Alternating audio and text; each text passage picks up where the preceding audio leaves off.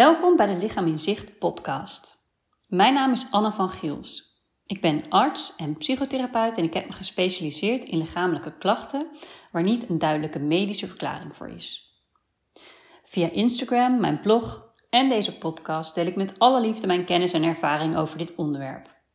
Want voor een probleem dat ontzettend veel voorkomt, wordt er maar bar weinig aandacht aan besteed. In deze aflevering interview ik fysiotherapeut Naomi Talens, die onder andere is gespecialiseerd in chronische pijn. Naomi vertelt waar een fysiotherapeut je bij kan helpen als je last hebt van chronische pijn. We hebben het over wat chronische pijn precies is en waarom bewegen vaak zorgt voor een toename van pijn. En hoe je beweging en inspanning weer kunt opbouwen als je last hebt van aanhoudende pijn. Veel luisterplezier! Nou, Naomi, welkom en uh, eh, super leuk dat je dit vandaag wilt doen. Um, hey, jij bent uh, fysiotherapeut en jij werkt onder andere met mensen met chronische pijn. Niet alleen maar, maar wel uh, voor een deel. Kan je misschien om te beginnen iets vertellen over hoe jouw werk eruit ziet? Ja, dankjewel. ja, ik zie in de praktijk waar ik werk veel mensen met chronische pijnklachten. En vaak worden mensen naar ons toe verwezen door een, een huisarts of een, een specialist. Uh, soms kan het ook zijn dat iemand uh, iets heeft gehoord van een uh, familielid of in de kenniskring, dat ze goede verhalen hebben gehoord, dat wij veel ervaring hebben met het begeleiden van mensen met chronische pijn. En dan melden ze zich bij ons aan. in principe wordt er dan een intakegesprek gepland en gaan we eigenlijk een uur eerst dus kennis maken en, en, praten over, over de klachten die iemand ervaart en wat de mogelijkheden zijn van de, van de behandeling. Um, en vanuit daaruit gaan we dan gewoon kijken wat voor ja, behandelplan we kunnen, uh, kunnen uh, opstellen. Uh, we hebben een oefenzaal, dus we maken eigenlijk wel wat gebruik van oefentherapie. Dus het heeft eigenlijk als het ware een actieve benadering. En we hebben ook een warm waterbad waar we gebruik van kunnen maken. Het water is lekker warm, is 34 graden. dus als uh, het bewegen uh, best wel een drempel is voor mensen, dan kunnen we ook eerst uh, starten in het warme water. Om eerst gewoon eens te gaan focussen op eigenlijk ontspannen bewegen. En kijken of het lukt vanuit daaruit weer de oefenzaal in te gaan. En te kijken wat er mogelijk is qua bewegen. Ja. Je zegt nu ook meteen, je hebt het over bewegen, ontspannen bewegen. Is dat dan ook vaak het doel waarmee mensen bij jou komen? Van dat er iets is met dat bewegen wat niet lukt en waar ze graag stappen in willen zetten? Of zijn er bijvoorbeeld ook andere vragen of doelen waarmee mensen het meest bij jou komen? Ja, nou, liefst dan worden mensen natuurlijk van hun pijnklachten uh, afgeholpen. Dus uh, soms ligt de hulpvraag ook wel daar dat mensen aangeven: ik wil heel graag van mijn pijnklachten af. Ja. Um, um, soms weten mensen inmiddels ook wel dat dat, dat niet altijd meer realistisch uh, realistisch is. En dan willen mensen gewoon hulp in hoe kan ik eh, bewegen weer gaan opbouwen. Ik wil mijn conditie verbeteren. Of uh, ik wil graag handvatten voor um, mijn dag beter doorkomen. Hoe kan ik uh, activiteiten beter indelen? Of hoe kan ik ehm, beter tillen? Of ehm, nou, zijn er dingen die ik beter niet kan doen? Of makkelijker misschien. Hoe kan ik dingen makkelijker maken? Uh, dus, dus eigenlijk kan dat, uh, kan dat van alles uh, zijn. Dus het is ook eigenlijk maar net ja, waarvoor iemand, iemand komt en wat iemand graag wil. Dus liefst ja. help ik natuurlijk iedereen van, van de pijnklachten af. Ehm, maar goed, dat, dat is soms gewoon wel ingewikkeld. Eh, maar we kunnen zeker daarin wel wat betekenen en kijken of we wel in ieder geval weer. Vaak, eh, de focus ligt vooral op het functioneren. Dus mhm. hoe, uh, hoe beweegt iemand? Wat kan iemand? Wat zou iemand graag weer willen? Uh, en dat je daar een stukje aan, aan bijdraagt, dat iemand nou, ook weer prettiger kan bewegen. En ontspannen is daar gewoon een heel groot onderdeel van. Ik denk dat als je um, moeite hebt om, om te ontspannen, en, um, ja, dan, dan wordt het wel heel lastig met bewegen. Dus de focus kan in het begin ook zeker liggen op ga eerst maar eens ontspannen bewegen. Niet eens op de intensiteit of hoe lang je iets doet, maar ga eerst maar eens focussen op hoe, hoe ontspan ik eigenlijk. Kan ik dat eigenlijk nog wel? Hoe voelt dat? Dat weten mensen met chronische pijn helemaal niet meer dat ze zo aangespannen zijn. Uh, dus dan kan je eerst de focus op gaan leggen op, uh, uh, op ontspannen bewegen. En het zwembad is daar natuurlijk ideaal voor in het warme water. Ja. Ja, dus als ik het een beetje samenvat, zeg maar, dan is het vaak een combinatie van hè, dat je je of kan richten op klachten verminderen, of in ieder geval beter leren managen misschien. En ook kijken naar iemands dagelijks functioneren en wat iemand daarin zelf graag zou willen en hoe je daar iemand in vooruit kan helpen. Ja, ja zeker. En de een zegt ik wil graag weer kunnen sporten, ik wil weer hardlopen. Uh, en de ander zegt van ja, ik zou graag weer de dag wat beter willen doorkomen. En dat ik aan het eind van de dag ook nog wat energie heb om een keer iets leuks in de avond uh, uh, te, te, ondernemen. En hoe kan ik ervoor zorgen dat ik wat beter belastbaar ben? Of dat die pijn niet steeds de overhand heeft van hoe ik mijn dag indeel. Hoe krijg ik daar wat meer grip en controle weer over? Ja. En gaat het nou eigenlijk ook altijd samen of is het soort van twee dingen waar je naast elkaar aan werkt. Uh, ik weet niet of ik het helemaal duidelijk uitleg, maar wat ik bedoel is, als jij zegt van met als doel om bijvoorbeeld uh, bepaalde sport weer op te pakken, dan kan ik dat heel concreet voor me zien. Um, als iemand als hulpvraag heeft van ik wil zo graag van mijn pijnklachten af uh, en jij denkt dat dat ook wel haalbaar is, um, zijn dat dan twee dingen die samengaan of heeft dat wat anders nodig? Nee, ik denk dat het eigenlijk altijd wel samengaat. Uh, ik denk dat het ook altijd belangrijk is om, om, uh, om ook goed af te stemmen van wat weet iemand zelf over zijn, uh, haar klachten. wat weet iemand over chronisch pijn? Hoe denkt iemand daar zelf over? En wat, wat zijn bijvoorbeeld triggers voor het hè, verergeren uh, van pijnklachten? Heeft iemand daar zelf een goed beeld van? Kan iemand zelf goed in kaart brengen wat eigenlijk factoren zijn die klachten kunnen triggeren? Ik denk dat dat heel belangrijk is dat je dat vooral samen in het begin goed in kaart gaat uh, brengen. Eventueel kan je daar de partner ook bij, bij betrekken. Dat ook ehm, ja, de persoon zelf en de omgeving ook goed begrijpt wat dan die chronische pijn is en wat dat inhoudt. Uh, want ik denk dat dat wel een hele belangrijke basis is. En dat is wel iets wat we in het begin eigenlijk bij iedereen die komt, los van wat iemand graag wil, dat het heel belangrijk is om eerst goed te kijken van wat, wat speelt hier allemaal, wat, heeft allemaal, wat, ja, wat, wat heeft allemaal invloed op, pijn, op de pijnklachten. En, en wat kunnen we daar dan ook mee? En soms heeft het in het begin dan ook meer uitleg nodig. Dat je eerst een gesprek met iemand nog aangaat over pijnklachten, over nou, wat, wat doen die klachten dan verergeren? Of waarom is die pijnklacht dan ontstaan? En wat houdt het dan in stand? En um, ja, anders dan is het vaak wel lastig om echt uh, om een begin te maken. Dus ik denk dat dat altijd een belangrijke basis is. Dat je goed samen eerst uitzoekt van wat maakt nou ehm, dat die pijnklachten er zijn, dat ze erger worden. Wat maakt nou ook dat iemand bewegen spannend vindt? Waar zit iemand tegenop? Uh, zodat je daar gewoon een goed beeld van hebt om, om samen te kijken van wat is dan de beste weg om, om in te slaan. Ja, dus de basis is eigenlijk altijd om, nou misschien in het algemeen gewoon goed te begrijpen van, ja, wat is chronische pijn eigenlijk? Of wat is pijn? En ook om meer zicht te krijgen op wat bij die persoon van invloed is op de pijn. Zodat je van daaruit ook eigenlijk verder kan gaan kijken waar je iemand bij helpt. Ja. En wij hadden het eerder al een beetje over samen dat wij vaak zien dat er wel allerlei misverstanden zijn mhm. over pijn. En misschien bij mensen die zelf pijn hebben, maar ook wel, nou ja, ook soms bij zorgverleners wel. Wat, wat zijn misverstanden die jij vaak tegenkomt? Nou, wat ik vooral altijd, uh, ja, wat, wat ik wat echt wel heel erg vind, is dat heel veel mensen komen en aangeven, ja, uh, ik heb chronische pijn en ik moet dit accepteren en uh, ja, leer er maar mee leven. Dat is wel iets wat denk ik uh, veel mensen te horen krijgen, ook wel vanuit de specialist waar ze zijn geweest.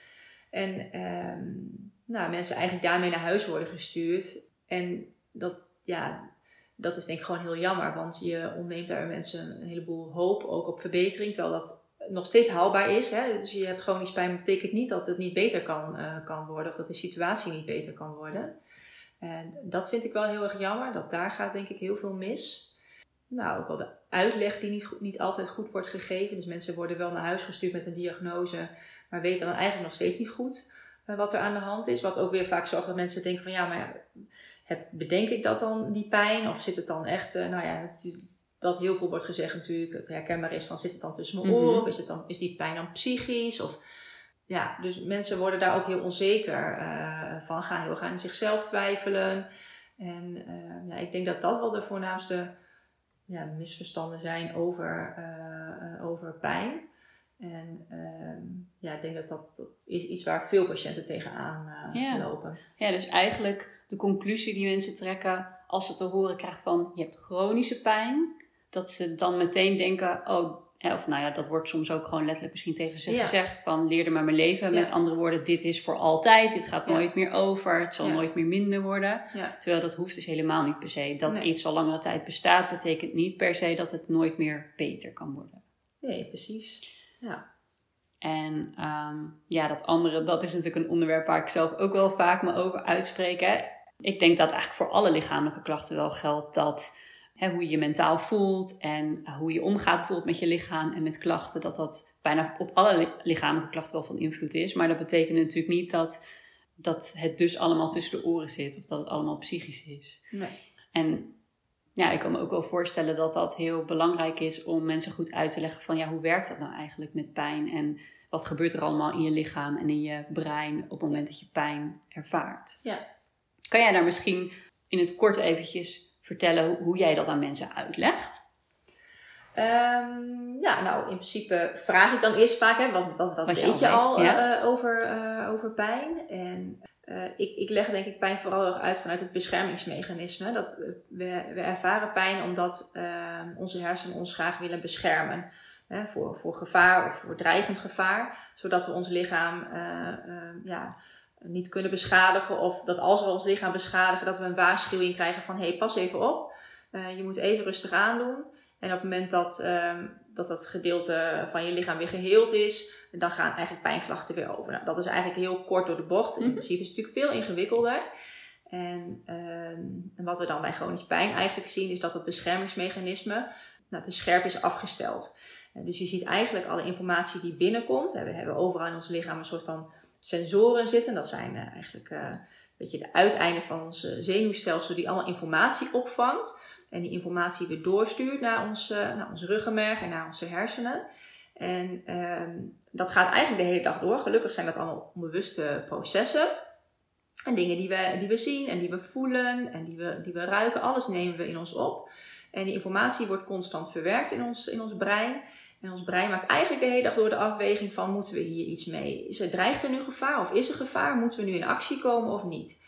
Nou, um, heel vaak gaat dat goed. Hè? Dan zie je bij, een, um, bij als een beschadiging ontstaat dat ons, ons brein ons dan uh, op tijd uh, uh, informeert. Vaak al vooraf. Hè? Als je denkt van oh, ik moet geen hete pan vastpakken, dan word je al gewaarschuwd. Pas op, hè? die pan is heet, want dat heb je ook geleerd. Um, maar bij chronisch pijn zie je eigenlijk dat dat systeem zo uh, overactief is geworden, zo graag wil beschermen, dat bij ja, eigenlijk de normale informatie die binnen wordt gebracht, uh, waar eigenlijk helemaal geen gevaar dreigt, uh, dat dan eigenlijk al het systeem gaat alarmeren van pas op, hè, er is gevaar en ehm, je moet hier iets mee. En dan krijg je eigenlijk als reactie pijn. Dus pijn is eigenlijk ons beschermingsmechanisme. En als dat systeem te alert is, dan zie je eigenlijk al bij geringe bewegingen of activiteiten. En dat het brein echt van, ho maar, dit, dit vertrouwen wij eigenlijk niet.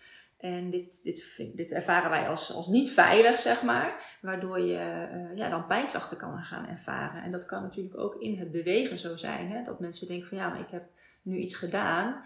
Uh, waardoor ik nu meer pijn ervaar. En dat is niet zozeer omdat hetgene wat je hebt gedaan verkeerd was. Alleen uh, je hersenen interpreteren het anders en maken er een, gevaarlijke situatie van. Terwijl het eigenlijk helemaal geen gevaarlijke situatie is. Maar dat gebeurt natuurlijk wel bij chronisch pijn. En dat is dan heel lastig. Het heeft eigenlijk geen functie meer. Uh, er is eigenlijk geen reden waarom je hersenen je zouden moeten waarschuwen. Maar het gebeurt wel de hele tijd. Nou, je kan je voorstellen als dat de hele dag doorgaat. Ja, dat je daar hartstikke gek van wordt. Want je krijgt constant die, die pijnsignalen. Uh, terwijl het eigenlijk niet nodig is.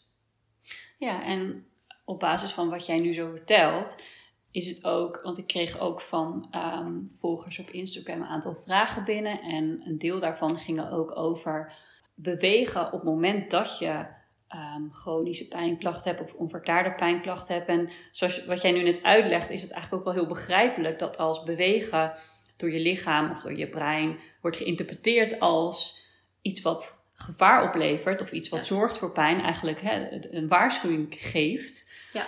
dat jij de conclusie trekt van oeh, dat moet ik dan maar niet meer doen. Ja, ja. dat is super begrijpelijk. ja, en dat is ook juist zo belangrijk dat je dat ook uh, goed aan mensen uh, uh, uitlegt. Dat mensen dat ook goed begrijpen. Dat wat ze ervaren eigenlijk ook heel goed klopt. Ja. En dat het dus ook helemaal niet raar is dat ze dus eigenlijk pijnklachten gaan ervaren door inspanning of uh, dat hoeft natuurlijk dan niet alleen maar met, met bewegen te zijn. En dat kunnen ook allerlei andere uh, situaties zijn waarin je bijvoorbeeld meer stress ervaart of minder goed slaapt. Uh, ook dat maakt je gevoeliger voor het, het ervaren van pijn. Maar ik denk dat mensen dan ook heel goed ook, realiseren, maar ook misschien wel gerustgesteld zijn van maar dus die reactie die mijn lichaam mij geeft, past eigenlijk ook heel goed bij wat het, waar het probleem ligt in de, in de hersenen. Mm En dan kan je daar ook iets mee. En dan kan je ook gaan kijken, maar hoe kunnen we nou weer gaan zorgen dat die hersenen toch weer wat gaan vertrouwen gaan krijgen in wat jij doet en hoe jij beweegt. En dat je, jij eigenlijk je hersenen kan gaan geruststellen door middel van bewegen. Dat betekent wel dat dat op een veilige manier moet. Dus constant moeten we in dat bewegen gaan afwegen. Ehm, wat we nu gaan doen, voel jij je daar ook veilig bij? Of is dit iets waarvan jij zeker weet dat je hersenen denken, nou dit durven we wel aan. Hier heb ik wel het vertrouwen in dat het goed gaat. En uh, ja, soms kan dat iets zijn wat je maar misschien maar 10 seconden doet, of maar 20 seconden, of 30 seconden. En um, soms kan het iets zijn waarvan je heel erg uh, bang bent dat het pijnklachten uh, kan gaan geven. ja, dan is bijvoorbeeld alleen maar eens over de situatie nadenken en, en nadenken over die beweging kan eigenlijk al een, een, een opdracht zijn. Er zijn ook mensen die juist alleen maar door hun pijngrens heen gaan en er overheen gaan. Dus dat zien we ook heel veel dat mensen dan maar denken van ja, maar ik weet dat ik er geen, uh, dat ik niks kan kapot maken. Mm dus dan ga ik maar gewoon door en dan op een gegeven moment dan weer tegen die grens aanlopen. Dus we zien daar eigenlijk wel een beetje een soort van tweedeling in. Van mensen die uh, neigen naar onderbelasten of eigenlijk niet meer durven te gaan bewegen. Of mensen die juist steeds over die grens gaan en maar doorgaan. En dat is ook niet handig. Want je weet wel, oké, ik kan misschien niks beschadigen. Maar als je steeds tegen die grens aanloopt en er overheen gaat, ja, maak je ook het systeem maar weer overgevoelig. Want het systeem gaat alleen maar meer beschermen weer uiteindelijk. Dus je wil eigenlijk een soort van veiligheid geven. En uh, dat brein als het ware geruststellen van ja, dit is wel veilig, dit, dit kan wel. dus dat gaat eigenlijk beide kanten op. Ja, dus als bewegen pijn doet, dan zeg jij het allerbelangrijkste is eigenlijk dat je zulke kleine stapjes neemt.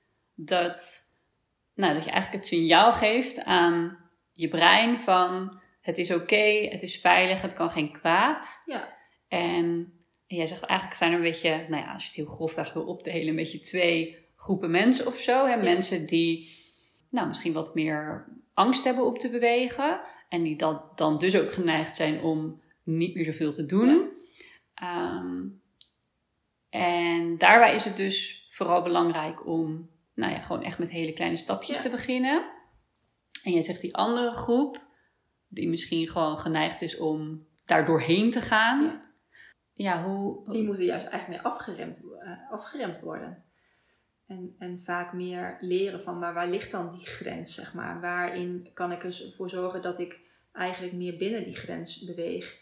En uh, niet pas stop als het eigenlijk al, als het al veel te laat is. Mm dus die, die, uh, je ziet vaak dat mensen um, dan ook maar dingen gaan doen om niet steeds met die pijn bezig te zijn. Mhm. Eh, wat dan weer resulteert in, in bijvoorbeeld heel veel gaan doen als ze zich nou ja, relatief goed voelen. En dan vervolgens dan moeten bezuren dagen erna en dan weer minder gaan doen. Want dat zie je natuurlijk ook heel veel. Hè? Dat er dan een soort van piek- en dalpatroon ontstaat. Hè? Van, wat heel begrijpelijk is, als je je eindelijk een keer een dag goed voelt, is het natuurlijk zo ook aantrekkelijk om te denken van ja, oké, maar nu kan ik er gebruik van maken. Het vervelende is alleen dat uh, je dan toch vaak over je grens gaat en je het daarna uh, dan moet bezuren.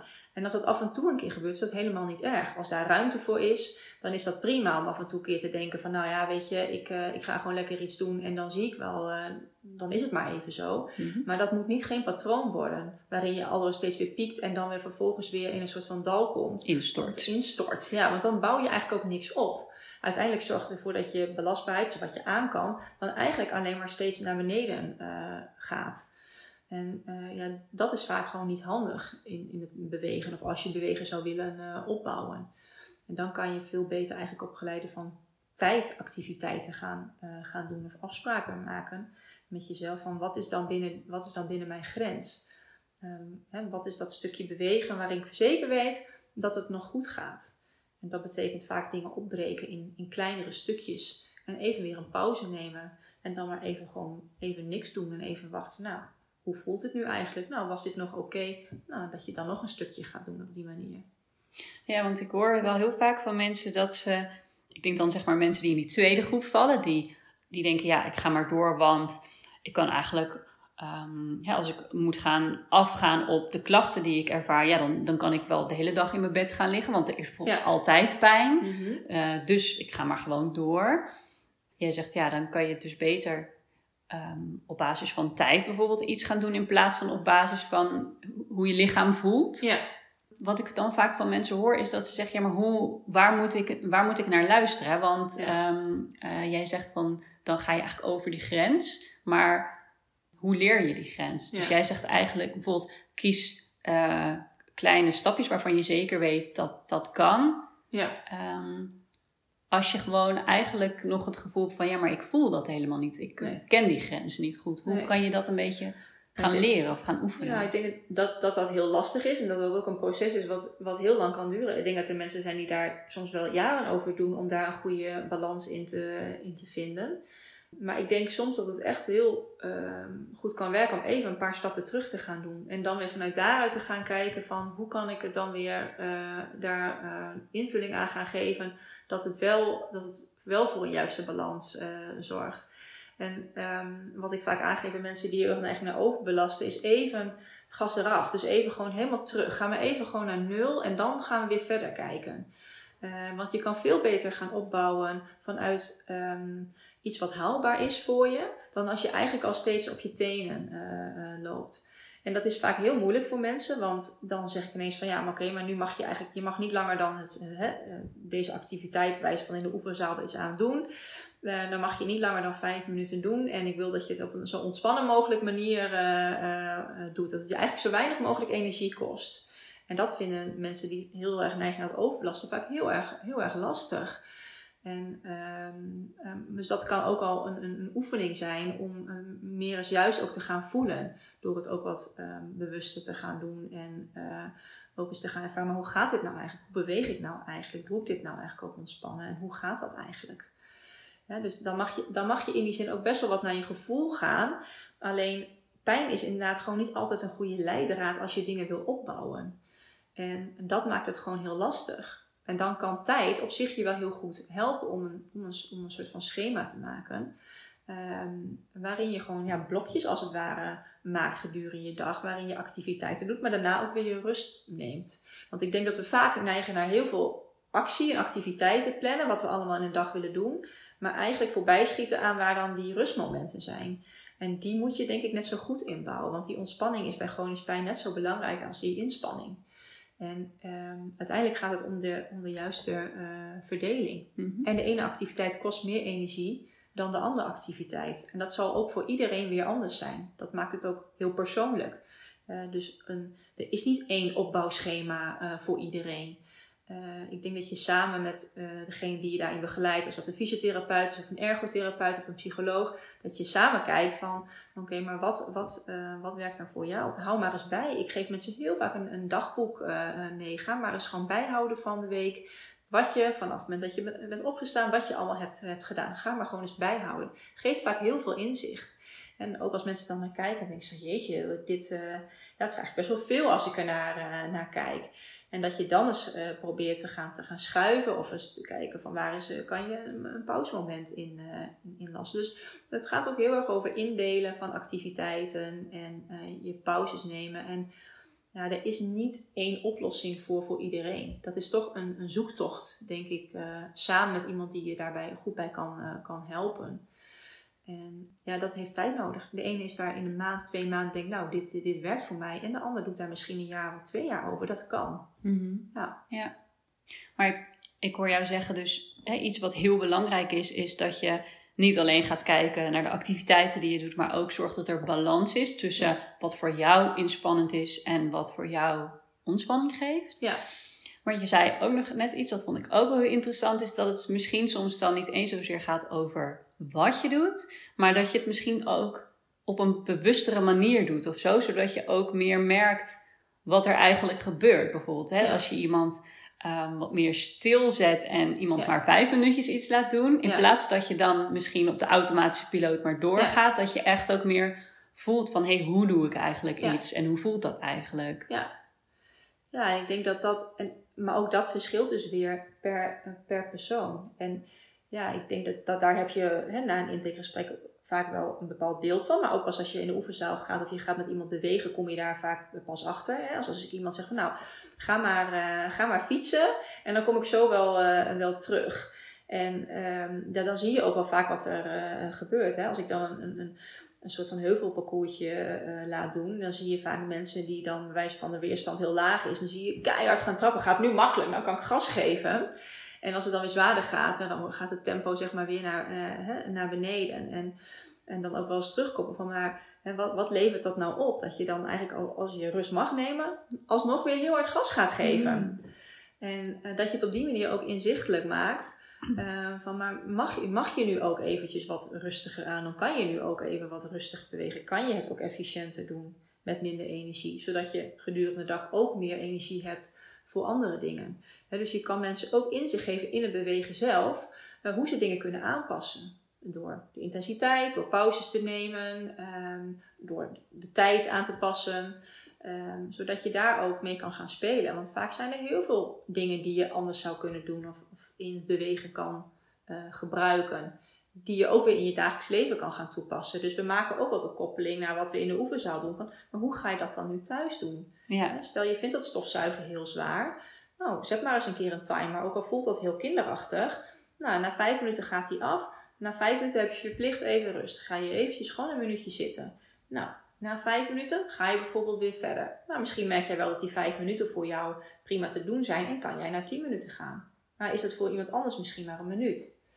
Dus zo kan je ook in je uh, dagelijks leven ook weer gaan kijken hoe je dat soort activiteiten kan gaan indelen. En misschien wel een beetje kan gaan uitbouwen. Ja, zodat je niet zeg maar uh, aan het eind van de ochtend al je kruid al verschoten hebt. Precies. Uh, ja. Dat je het ook wat beter kan verspreiden over de dag. Ja, eigenlijk wel. Ja. En dat is natuurlijk wel heel mooi dat je ziet hoe mensen dan bijvoorbeeld bij jou in de oefenzaal een bepaalde oefening, hè, de manier waarop ze dat aanpakken. Tenminste, dat zie ik vaak ook wel, dat je vaak wel parallellen ziet met hoe mensen in hun dagelijks leven de dingen aanpakken. En dat je je door zoiets ook wat meer bewust wordt van, hé, hey, hoe doe ik dat eigenlijk? En waarom doe ik dat misschien zo? En kan ik dat ook eens proberen om anders te doen? Ja, ja zeker. En bij de mensen die dan juist moeite hebben om weer in beweging te komen, dan juist alleen maar kijken naar die hele kleine succeservaringen. Die hoef je misschien, die, die hebben een beetje een zetje nodig om weer te gaan durven bewegen. Mhm. Eh, ja, dan is juist die veiligheid bieden van, maar het is ook oké. Ga maar op die roeimachine zitten en dan praten we even en kom er maar weer vanaf. En dat mensen denken, ja, maar ik heb nog niks gedaan. Nee, prima, je hebt nog niks gedaan, maar je hebt er wel op gezeten. Dat was al, dat was al een stap. En ik denk dat dat voor mensen soms ook heel fijn kan zijn. Maar ik hoefde dus eigenlijk helemaal niet zoveel. En uh, ik kwam weg en ik had eigenlijk het gevoel van, nou, dit, dit was oké voor mij. Mhm. En ik denk dat dat wel een hele belangrijke uh, inzet is. Dat, je, dat mensen niet het gevoel hebben van nu wordt er ineens heel veel mij verwacht. Dan moet ik weer aan bepaalde eisen voldoen. Want het is normaal dat mensen kunnen. Ik moet dat toch ook zo kunnen. Nee, dat hoeft helemaal niet. als iemand na 30 seconden roeien denkt, dit, dit, dit, dit vertrouwde ik, dit was goed voor mij, dan is dat een startmoment. en dan kunnen we vanuit daaruit verder gaan kijken. Misschien blijft het wel een tijdje bij die 30 seconden, maar dat is ook oké.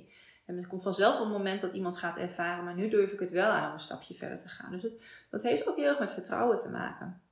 Ja, dus het is misschien ook wel een valkuil van, nou ja, misschien van mensen met pijn, maar misschien ook wel van zorgverleners om de lat meteen te hoog te leggen. Dat je eigenlijk al zoveel verwachtingen hebt of de lat zo hoog legt, dat de kans ook groot is dat dat er misschien niet helemaal lukt en je dan teleurgesteld bent of denkt, ja, maar nu heb ik weer meer pijn. Precies. Dat eigenlijk juist zo belangrijk is om zelfs die hele kleine stapjes, ja. om daar ook al bij stil te staan, dat dat ook al vooruitgang is eigenlijk. Ja. ja, zeker, want uiteindelijk, kijk, het is niet erg dat iemand meer pijn gaat ervaren, want we weten dat er niet iets aan de hand is, dat er iets kan gebeuren, maar de pijnreactie is natuurlijk voor iemand zelf wel gewoon heel vervelend. En dus wat je eigenlijk wil is dat iemand weggaat en de volgende dag en de dagen daarna nog steeds denkt, nou dit was eigenlijk nog steeds binnen, was gewoon binnen mijn grens. En dan heb je ook gewoon een insteek om verder te gaan. maar ja, soms gebeurt het wel eens dat iemand na de eerste keer toch wel merkt van, nou, ik had toch wel wat reactie ervan. Nou, dat kan. Dat kan ook betekenen dat we dan toch nog even wat verder moeten terugschalen. Dat is ook oké. Soms moet je dat ook samen een beetje, een beetje uitzoeken. Maar het liefst ga je, zet je gewoon laag in. En uh, ik, heb daar geen, ik heb geen verwachtingen van, van wat iemand moet kunnen. Nee, het is gewoon wat, wat, wat het brein of wat het lichaam toelaat. En wat veilig eigenlijk is qua bewegen. En dat is, dat is het, de, ja, uh, als het ware de basis. Daar starten we dan uh, mee. En dat is voor iedereen weer, weer anders. En alles is eigenlijk daar goed in. Alles is oké. Want je zei eerder van, eigenlijk wil je, hè, vooral als je merkt dus dat je opziet tegen bewegen of dat je angst voor bewegen, dat je ehm, het brein een seintje wil geven van het is veilig, hè, dit is oké. Um, wil je dan eigenlijk heel erg zorgen dat je um, binnen de nou, range zeg maar, blijft, dat je niet meer pijn krijgt als je iets hebt ondernomen? Of is een beetje nou ja, wat jij zegt, dat mensen een, bijvoorbeeld een reactie daarop krijgen, is dat niet erg? Nee, het is denk ik uh, ergens kan je dat niet voorkomen, omdat niet alleen maar dat bewegen invloed heeft op pijn. Het is ergens naartoe gaan, de spanning die dat geeft, ehm, dat je in die week misschien minder goed hebt geslapen, uh, dat je stress had vanuit je werk of vanuit privé. Ook dat soort factoren spelen natuurlijk een hele grote rol bij pijn. Dus alleen maar naar het bewegen kijken wat je hebt gedaan en dat geeft pijnreactie. Um, is ook niet handig. Want dan ga je heel erg kijken in oorzaak en gevolg. En als je altijd alleen maar bezig bent met van oké, ik heb dit gedaan en daar krijg ik pijn van, dan ga je heel erg die relatie uh, weer maken. Dat is ook niet handig, want dan koppel je eigenlijk een activiteit aan je pijnervaring. En dat wil je juist niet. Je wil dat juist loslaten. Je wil juist dat het brein niet die koppeling gaat maken. En dat je brein als het ware gewoon daar uh, niet over nadenkt. dat als je bukt of beweegt, dat je brein niet al bij het nadenken van nu ga ik die beweging maken, dat signaal al gaat, op je hoede geven. Bent, je hoede bent. Um, dus aan de ene kant uh, is het belangrijk dat je wel binnen die pijngrens beweegt en dingen opbouwt. Maar ook niet de hele tijd mee bezig bent van, maar wat heb ik nou gedaan en waardoor heb ik nou meer pijn? Want soms weten we dat ook niet precies, omdat pijn veel complexer is. Het veel meer iets is wat, um, wat vanuit alles wat we, wat we doen, zeg maar, uh, wordt beïnvloed. Dus dat iemand een keer wat reactie heeft uh, nadien, ja, weet je, dat, dat, dat, dat, is, dat kan vervelend zijn, maar het moet niet uh, je weerhouden om, om, om door te gaan bewegen. Maar die pijnreactie moet wel voor iemand acceptabel zijn. En wat voor de een misschien is van, ja, maar dit was acceptabel voor mij, dus voor iemand anders ligt die grens misschien wel weer ergens anders. dus ik denk dat het ook belangrijk is ook van, wat mag er dan zijn na die mhm. tijd? En waar, wat is voor jou oké na afloop wat je dan mag ervaren? En daar kun je ook gewoon natuurlijk uh, uh, over hebben en dat, en dat afstemmen. En ook geruststelling is denk ik gewoon heel belangrijk. En dat iemand ook weet van nou, dat kan gebeuren en dat is ook oké. Het is niet, niet, niet erg. Mhm. Ja, dus je wilt er eigenlijk voor zorgen dat iemand niet heel erg daarvan schrikt. Of dat het iemand bijvoorbeeld een volgende keer gaat weerhouden ervan om weer een bepaalde activiteit te ondernemen. Maar tegelijkertijd wil je ook niet heel erg de focus gaan leggen op dat je heel erg gaat letten op, oh, als ik dit doe, hoeveel pijn krijg ik dan? En als ik zoveel minuten dat doe, hoe voel ik me dan? Ja. Ehm, dat wil je eigenlijk ook voorkomen, zeg jij, omdat je dan juist heel erg um, de aandacht ook op gaat vestigen misschien. Ja, en in het begin denk ik, als je start, dat, dat je wat pijnklachten, of meer pijnklachten gaat ervaren, is ook vaak niet zo gek, juist omdat je er zo mee bezig bent. Mhm. Dus ik geef ook heel vaak aan van in het begin kan het best zijn dat je alleen al vol na, na, na het intakegesprek of als je even uh, hier vandaan komt dat je meer klachten ervaart, is niet zo gek, want je bent er ineens heel erg mee bezig. En dat de pijn dan wat meer op de voorgrond komt te staan, is eigenlijk ook weer heel logisch, heel begrijpelijk, is heel normaal. Mhm. Eh, en dat, dat mag er ook gewoon wel zijn. Dat is, echt niet, dat is echt niet erg. Maar het is ook weer gewoon een reactie op alles wat je, wat je hebt besproken, wat je gaat doen. En ehm, ja, dat doet ook wat met je. Uh, dus ja, dus ik denk dat die geruststelling daarin ook belangrijk is. Hey, behalve um, angst, dat bewegen, dat als je meer gaat bewegen, dat dan je pijn of je andere klachten toenemen.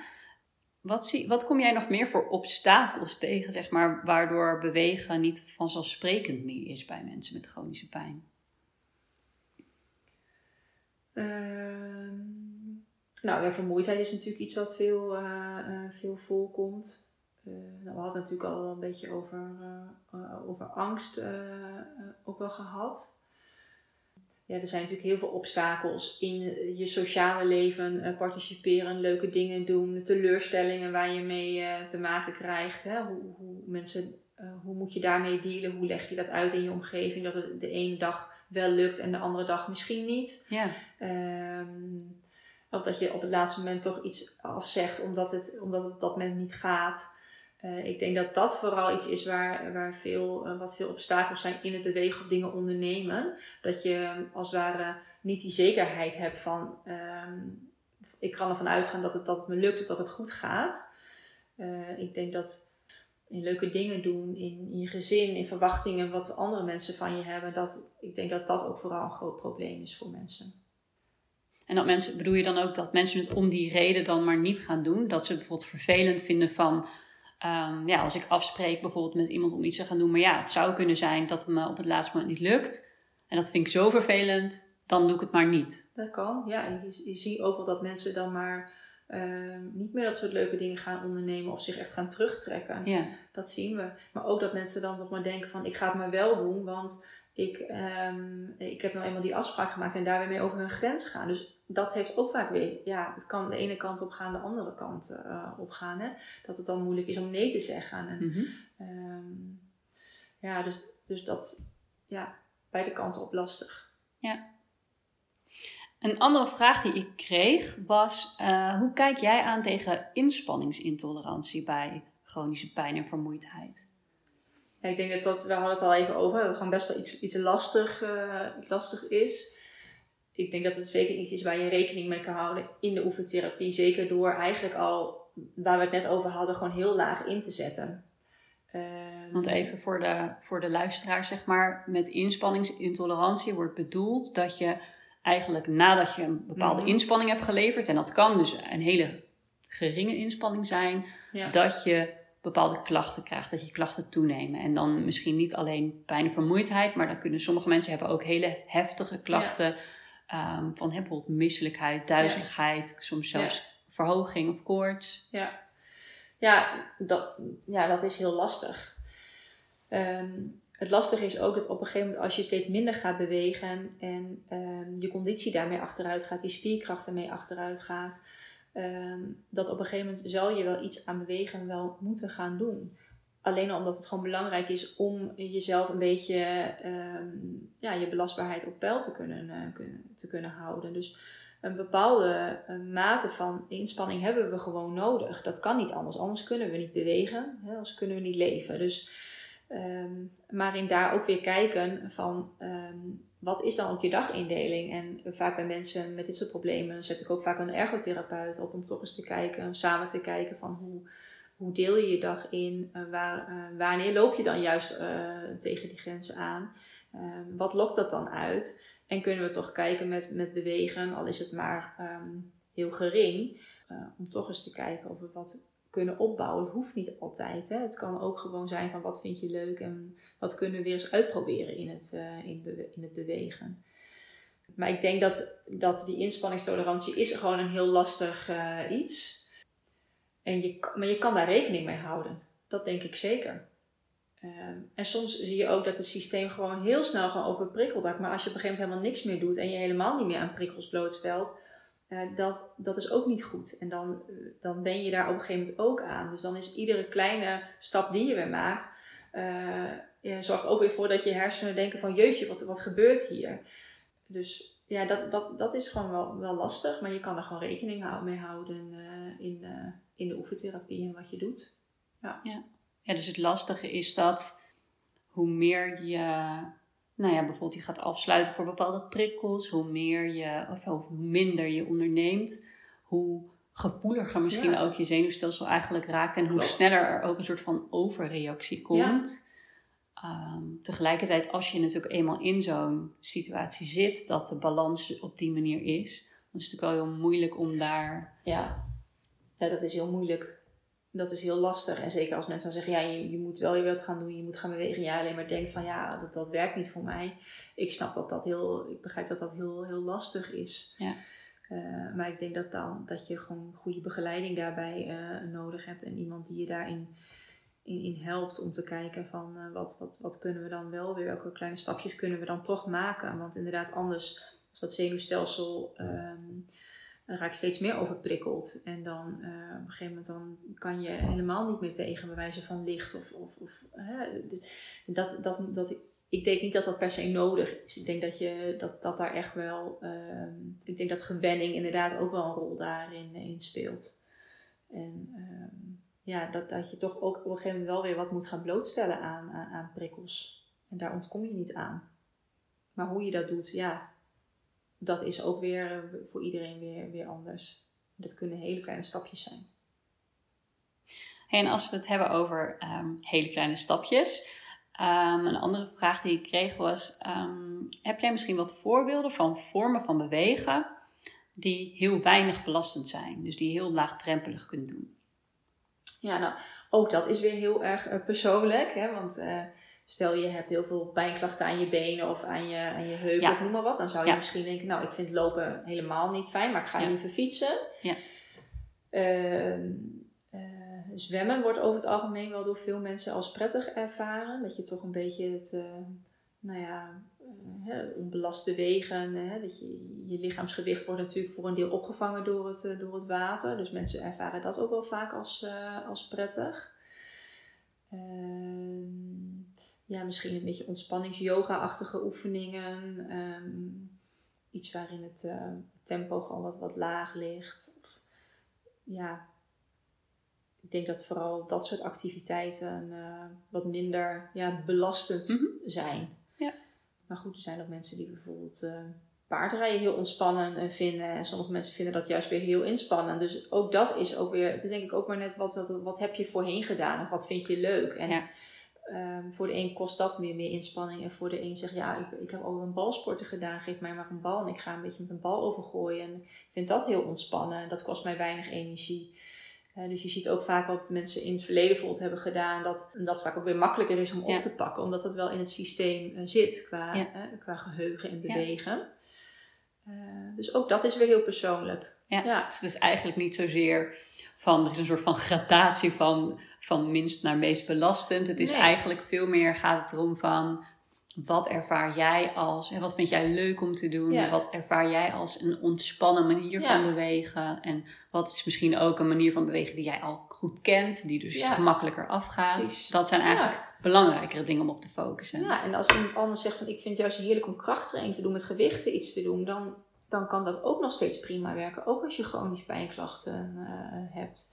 Het is niet zo dat per se iets wat zwaar, wat we denken wat zwaarder is, dat dat sneller een, een, een, een pijnrespons geeft. Het is maar net wat, waar jouw hersenen natuurlijk ook jouw bescherming gaan geven.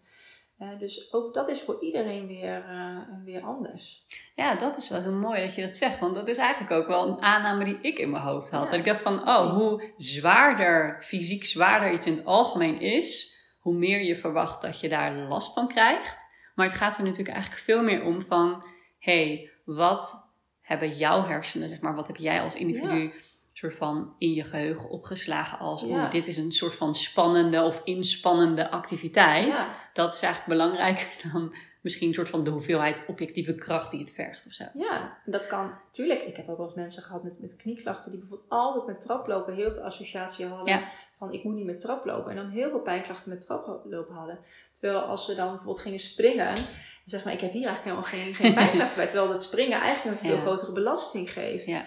Uh, dus dat zegt niet altijd. Uh, nee. altijd je hebt iets. gewoon geleerd van, omdat je zo vaak bij traplopen pijn hebt gekregen, is dat gewoon iets wat ja, beladen is geworden. Ja. En misschien ja. objectief gezien is springen voor je knieën belastender, maar omdat dat iets Die associatie is, is er niet. Dus pijn gaat heel erg over context ook. Ja.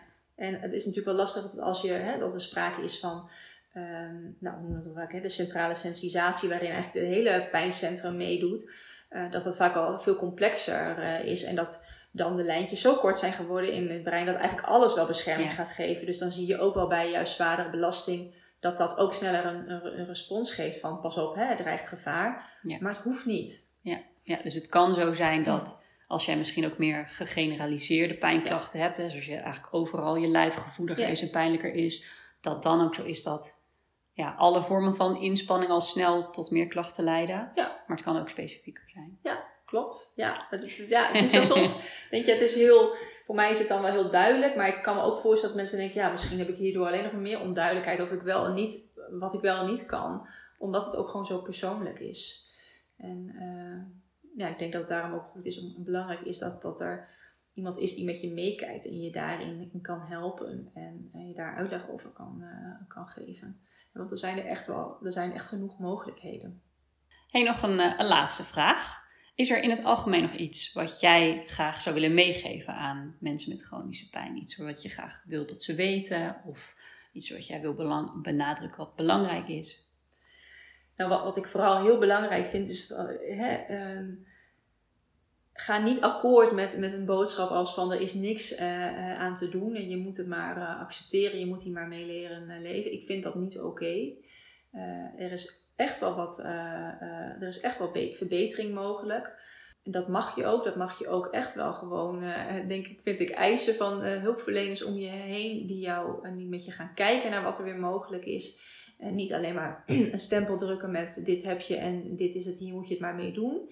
Ehm, dus ehm, ik denk dat blijft altijd wel een soort van hoop houden in, in, in mogelijkheden. Ook al duurt het misschien langer, heeft het meer tijd nodig voor jou om daar een weg in te vinden. En, en ga op zoek naar iemand die je daar uh, uh, goed in kan begeleiden. Of leg desnoods met je huisarts daar nog eens over.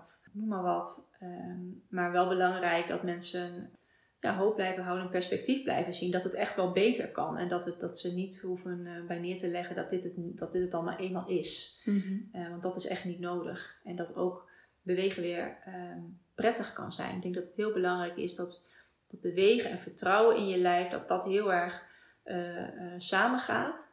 En dat als je ook weer gaat ervaren dat bewegen prettig is, dat weer vertrouwen geeft. Maar dat je dat, dat, dat ook op lange termijn ja, dat je gewoon weer denkt, het is ook gewoon weer lekker om wat te doen. In plaats van te denken, dat stomme lijf, dat werkt niet mee. Maar dat je ook weer kan ervaren, met mijn lijf kan dat wel.